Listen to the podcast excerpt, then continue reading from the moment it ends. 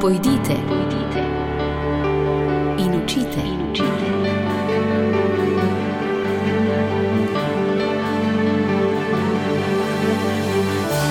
In šli so.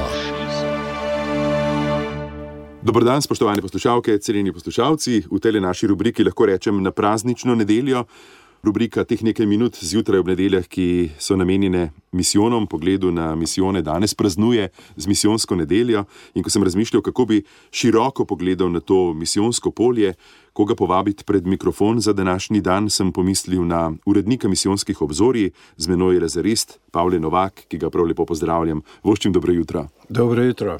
Pavle, misijoni na slovenskem, slovenski misionarji zgodovina, današnji trenutek, stvari, ki se spreminjajo.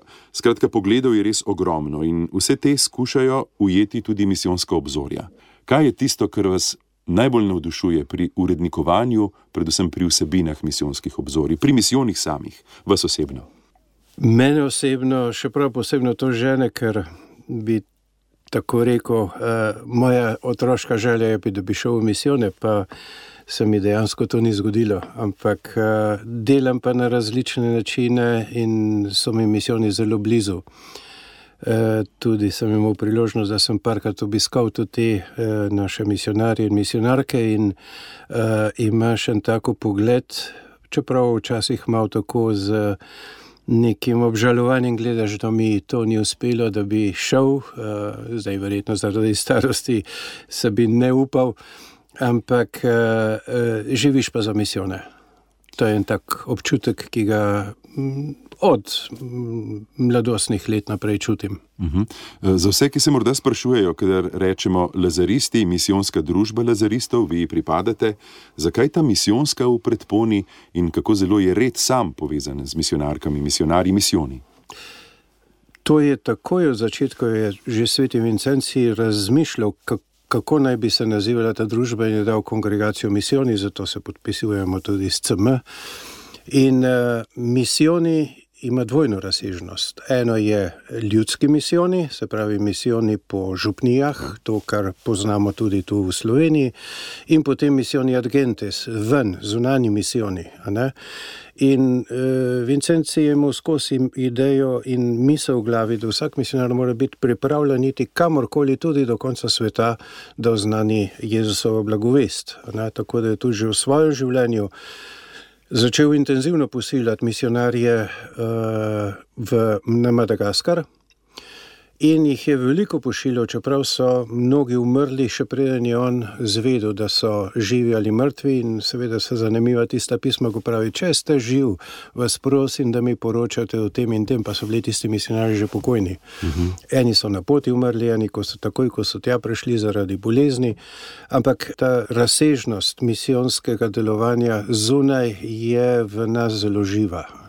Kot misionarji želimo ne samo delati kot misionarji na področju, kjer smo, ampak vedno imeti odprte svoje oči za eh, misionarjenje izven teh meja, kot so recimo naše državne meje ali kaj takega. Eh, gospod Novak, kot urednik misijonskih obzorij, kako vidite zdaj življenje te revije v teh sodobnih časih, ko je na dosegu pravzaprav vse s klikom dvema, če je za ta doseg in za ta stik tisti na drugi strani, ko se lahko z misionarji po različnih aplikacijah tudi vidimo, slišimo. Marsik je že, vem, marsik je tudi, seveda še ne, zaradi vse infrastrukture, ki je tam ni ali pa počasi prihaja. Revija pa ustraja iz katoliških misijonov, izhaja, ki letos praznujejo stoletnico. Ja, je zanimivo. Gotovo, da če pomislimo samo na to, tam v 30 letih, se pravi, recimo 90 let nazaj, so katoliški misijoni oziroma predhodnica eh, katoliških misijonov imeli 12 tisoč do 13 tisoč naročnikov. Hm. V Sloveniji računamo, da je takrat pred 90 leti bilo manj prebivalcev kot sedaj. Gotovo je, da so vsa ta sredstva, ki jih imamo danes na razpolago, v veliko pomoč. Danes se kdorkoli lahko oglasi po telefonu, preko WhatsAppa, Viberja ali pa karkoli že z kakšnim misionarjem in se pogovori, se mnogi tudi zmenijo, da bi jih obiskali. Uh, to je vsekakor ena velika, zelo velika pridobitev. Ostaja pa še nekaj več, gotovo je, da je na kar razmeroma velika skupina ljudi, ki pa tega nima, mhm. oziroma ne zna, se ne zna ukvarjati s tem. misijonsko obzorje, zdaj pa uh, se mi zdi, da je pomembno tudi, da je neka pisana verzija tega, kar lahko mi preko tehnike uresničujemo. Ne? Je en dokument, ki ostane. In ostali so tudi spomini na tisto stoletnico, na začetke takrat, potem na čase, ko so katoliški misijoni izhajali v Argentini, pa potem na tisto, ko se je reč vrnila v podobi misijonskih obzorij nazaj k nam. O tem bo vas pregovorila čez teden dni, še bolj v naši oddaji, v naši rubriki. Meni se zdi, da smo Slovenci zelo ponosni na slovenske misionarke in misionarje, da nam to veliko pomeni, da smo navdušeni nad zgledi, ki nam jih dajo svojim delom, razdajanjem, svojim življenjem. Kakšen je vaš občutek v tej navezi? Slovenec, misionar v svetu. Zelo. Redko kdaj vidiš, ali pa ko se pogovarjamo, ko smo imeli kakšno mednarodno srečanje, kot pač kot lazaristi, pa se eh, dotikamo teh področji misijonov. Ne? Se oni izredno čudijo, kaj lahko ena tako majhna država zmore kot je Slovenija, ker oni seveda se primerjajo, recimo Poljaki, ne, 50 milijonov, 2 milijona. Pa rečem, pa kako vam uspe eh, konkretno, recimo te preproste akcije, ne, kot tri kraljevska akcija, Miva. Pa kako vam uspe zbrati toliko uh, sredstev za misionarje, pa praktično strežete vsem? Ne? Za primerjavo je rekel, na Poljskem, če bi to uh, primerjali količino in uh, uh, zauzetost, uh, Je rekel, to bi moralo biti vsaj desetkrat večje, pa nismo. Uh -huh. Se pravi, uh, uh, mislim, da je ravno v tem, da gledaš ta proces, zdaj, ko sem bolj ukvarjen s tem, da berem arhive in tako dalje. Vidiš en čudovit proces, kako se je oblikovala tudi duša slovenca. Se pravi, uh, preko tiskane besede, preko govorjene besede, preko misionarjev, ki so šli in zgledi, ki jih oni dajo, vsi imamo en drugačen občutek, kot pa če tega ne bi bilo. In se mi zdi, da je to pa še zelo živo.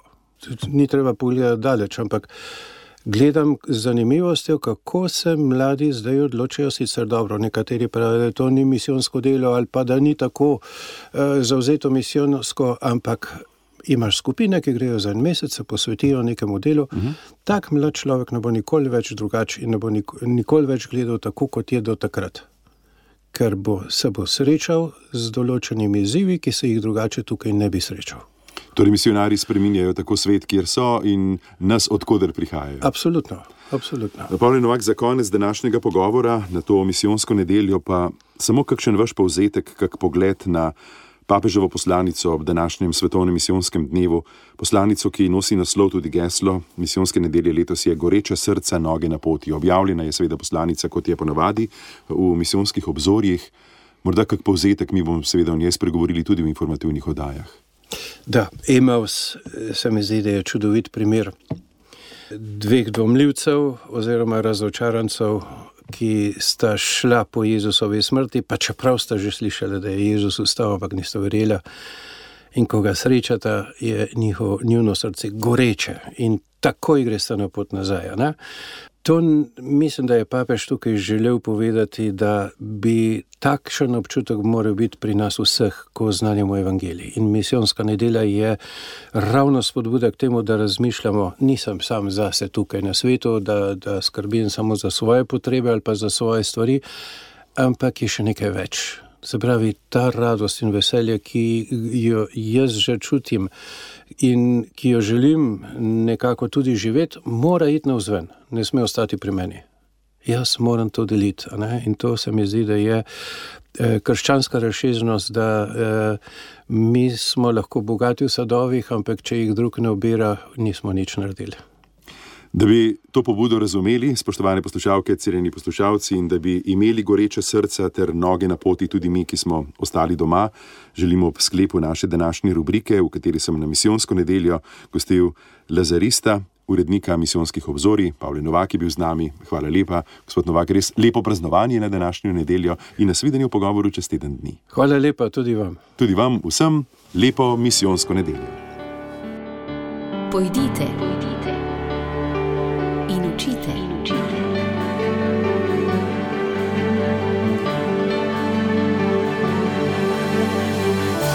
In šli so.